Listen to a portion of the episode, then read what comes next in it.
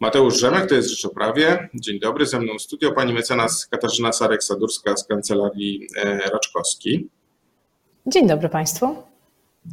Pani mecenas, od wtorku, od 31 marca, kiedy weszła w życie e, tarcza antykryzysowa, przedsiębiorcy mogą starać się o dofinansowanie z Funduszu Gwarantowanych Świadczeń Pracowniczych w, w razie wprowadzenia przestoju czy obniżenia czasu pracy. No, przepisy są zupełnie nowe, błyskawicznie uchwalone przez Sejm. Teraz wszyscy się w nie wczytują, pojawia się bardzo dużo pytań i chciałbym, żebyśmy porozmawiali, postarali się stworzyć e, taki mini poradnik dla przedsiębiorców, jak skorzystać z tych nowych świadczeń. Zakładam, że e, kierujemy go do, i do małych, i do średnich firm, e, czyli o czym one w pierwszej kolejności powinny pomyśleć, zanim będą mogły się e, wystąpić o te publiczne pieniądze. No przede wszystkim muszą same pomyśleć, w jakiej sytuacji są, dlatego że i jakimi przedsiębiorcami są. Czy są mikroprzedsiębiorcami, małymi przedsiębiorcami, średnimi, a może po prostu dużymi. E, Poza tym muszą sami rozpoznać te przedsiębiorstwa swoją sytuację. Czy ten spadek, czy ta aktualna sytuacja pandemii wpływa na nie w taki sposób, że to będzie długotrwałe zawieszenie ich przychodów i obrotów, czy też e, to będzie krótkotrwałe, czy wręcz odwrotnie. Mają więcej pracy, i, i, ale mogą mieć problem na przykład z zatorami płatnościowymi. Więc wszystkie te rzeczy trzeba wziąć pod uwagę, planując działania. Trzeba też wziąć pod uwagę to, jaka będzie nasza sytuacja w przyszłości. To znaczy, czy my w perspektywie 6 miesięcy, 3 miesięcy będziemy musieli zwalniać załogę, czy też nie. Bo od tych wszystkich czynników zależy to, czy będziemy i w jaki sposób z, skorzystać e, będziemy mogli z tarczy antykryzysowej. Tarcza antykryzysowa ma bardzo dużo różnych narzędzi, które mają pomóc przedsiębiorcom, którzy znajdują się w różnych sytuacjach, bo inna, inny rodzaj pomocy skierowany jest do małych przedsiębiorców, inny do średnich, innych do dużych. I teraz y, idąc od tych największych, czyli od tych, którzy mają dużą załogę, a na razie nie mają e, dla nich e, pracy, to ci pracodawcy mogą skorzystać z przestoju i z obniżenia wymiaru czasu pracy.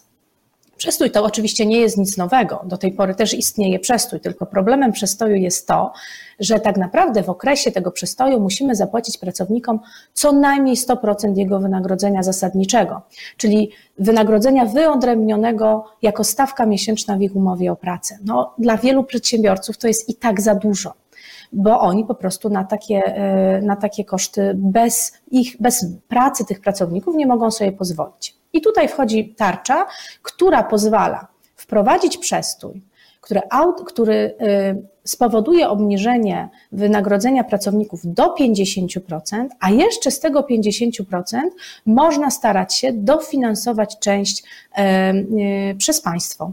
To państwo dofinansuje maksymalnie 1300 zł takiego wynagrodzenia, plus e, kilkaset złotych na składki na ubezpieczenia społeczne, które są należne od tych 1300 zł.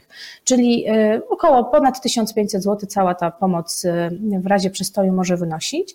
Przez to jest oczywiście, no, zakłada, że nie ma żadnej pracy, że pracownicy dostają tą, tą, y, tą zapomogę w formie no, takiej właśnie zapomogi na, na okres, w którym są cały czas zatrudnieni, mają cały czas y, status pracownika, no ale nie wykonują pracy. Taki przestój na razie może zostać prowadzony na trzy miesiące. E, tylko u pracodawców, którzy nie spełniają aktualnie e, przesłanek do e, ogłoszenia upadłości. To znaczy, my, sytuacja naszego przedsiębiorstwa musi być stabilna w tym momencie składania wniosku. Musimy być w stanie spełniać swoje zobowiązania, bo jeżeli nie, no to jeżeli są spełnione przesłanki do złożenia wniosku o upadłość, to tak naprawdę powinniśmy skierować wniosek o upadłość, a nie wniosek o pomoc.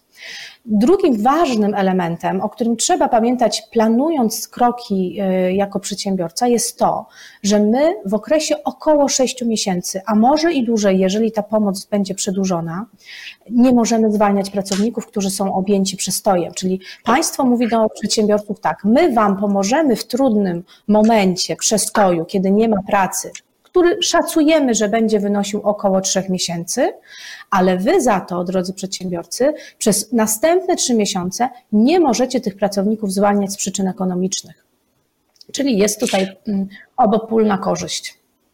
Pani mecenas, no ale y, to nie jest tak, że pracodawca, każdy pracodawca sobie wprowadzi na takich zasadach ten przestój, bo przepisy y, tarczy antykryzysowej mówią wprost, że w każdej firmie potrzebna jest zgoda albo przedstawicieli załogi, albo związku zawodowego.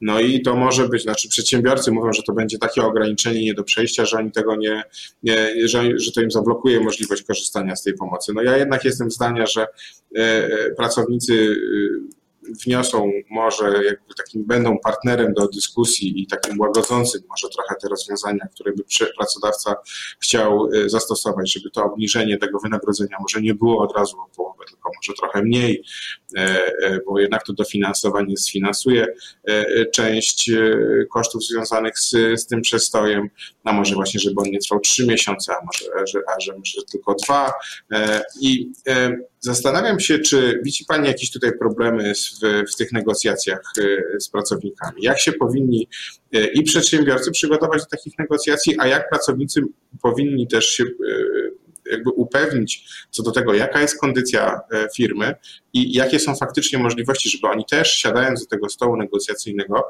jakby no mm, zdawali sobie sprawę z rzeczywistej sytuacji finansowej choćby firmy i wiedzieli, co oni negocjują i w jakich warunkach, no bo jednak jeżeli, bo alternatywą też jest to, że jeżeli nie, zostanie, nie zostanie wprowadzony ten przestój, no to firma będzie musiała czy przeprowadzić zwolnienia grupowe, czy wręcz ogłosić upadłość.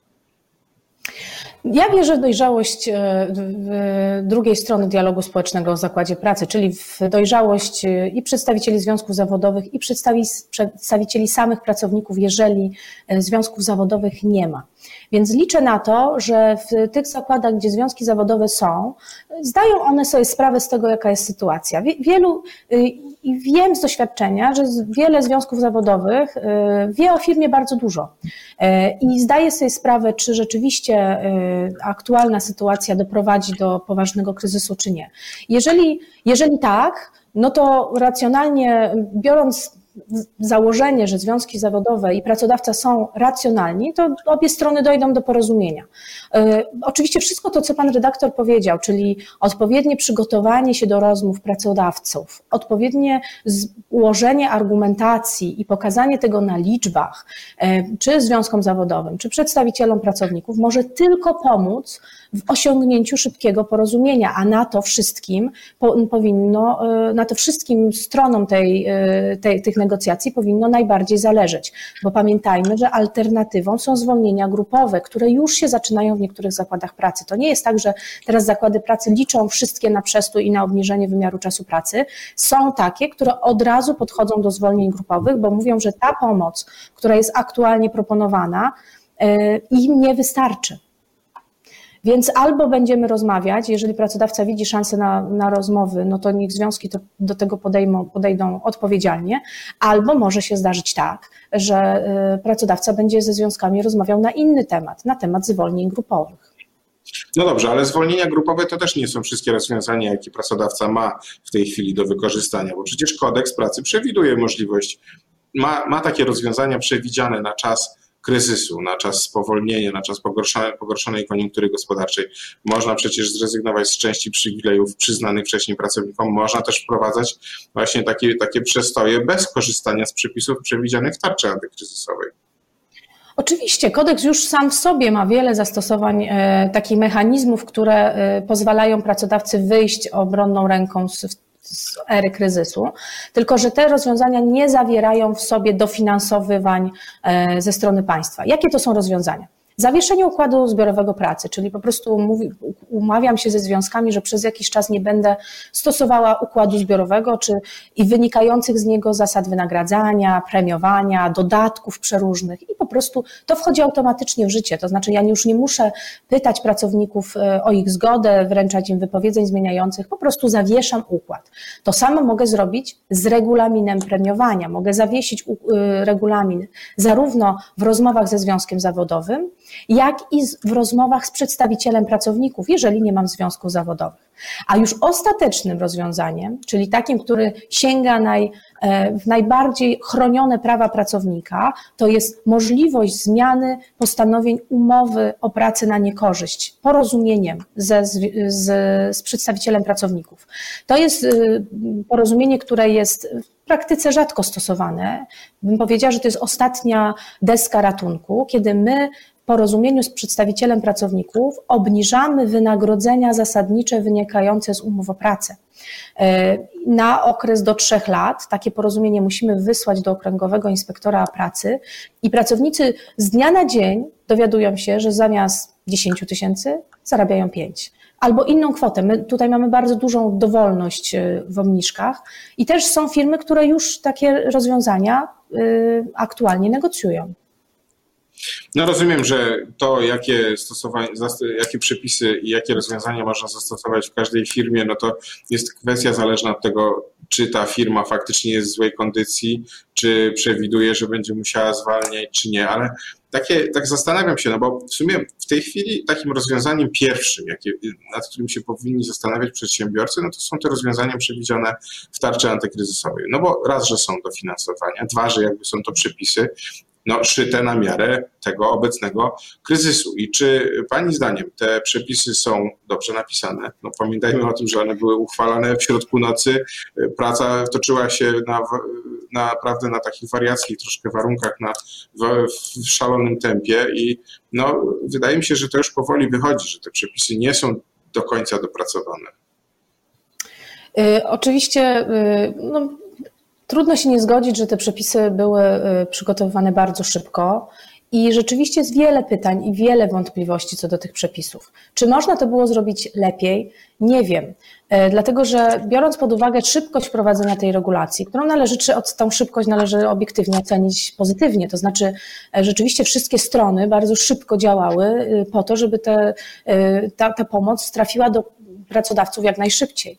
E, więc jest to na pewno, e, trzeba, trzeba to podkreślić, że to jest pozytywny e, element. Znacznie gorzej byłoby, gdybyśmy na to czekali miesiącami, bo byłoby po prostu za późno. I za miesiąc czy za dwa miesiące, nawet jakbyśmy mieli najlepszą ustawę na świecie, najbardziej precyzyjną, to ona by po prostu już nie reanimowała tych pracodawców, którzy przez ten okres czasu mogliby po prostu bez pomocy upaść. Więc moim zdaniem szybkość należy ocenić pozytywnie. Czy jest dużo wątpliwości, wątpliwości i czy są nieprecyzyjne sformułowania? Oczywiście, że tak. E, ale ja wierzę znowu w to, że y, wszystkie strony dialogu tutaj i, i, urzędy, które rozpatrują wnioski, i ministerstwo, i ZUS, i przedsiębiorcy będą wspólnie współpracować w jednym celu, żeby tą pomoc dostać i żeby przetrwać. E, no, oczywiście ryzykie, ryzyko największe ponoszą przedsiębiorcy, bo gdyby się okazało, że pomoc na, dostali nienależnie ze względu na niespełnienie jakichś nieprecyzyjnych wymagań, to oni tą pomoc muszą zwrócić. I to jest oczywiście bardzo duże ryzyko, które jest na e, przedsiębiorcach. No miejmy nadzieję, że do tego nie będzie dochodziło, że jednak administracja będzie raczej łagodzić interpretację tych przepisów, a nie ją zaostrzać, żeby dodatkowo pomóc przedsiębiorcom. Pani mecenas, no tym optymistycznym akcentem bardzo Pani dziękuję za rozmowę. Ja również pan, Panu dziękuję, dziękuję Państwu za uwagę. Naszym gościem była Pani mecenas Katarzyna Sarek-Sadurska, partner i radca prawny w Kancelarii Raczkowskiej. Dziękuję serdecznie.